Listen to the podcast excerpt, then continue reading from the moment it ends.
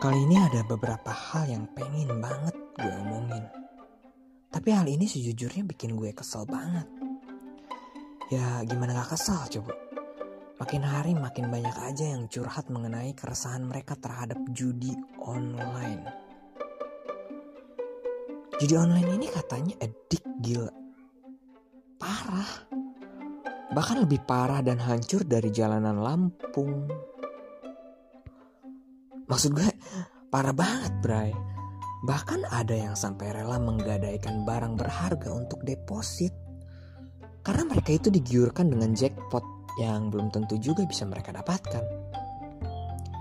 Padahal kan kita udah tahu ya, Roma Irama pernah nulis lagu judi. Tet, ya emang judi menjanjikan kekayaan. Tapi bukan untuk kita, ya untuk bandar. Untuk bandar.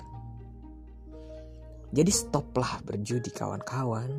Daripada duitnya dipakai buat judi untuk memperkaya bandar, mending kita pakai buat galang dana perbaikan jalanan Lampung.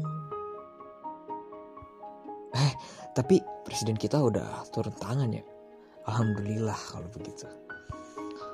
Tapi pak, kasihan itu.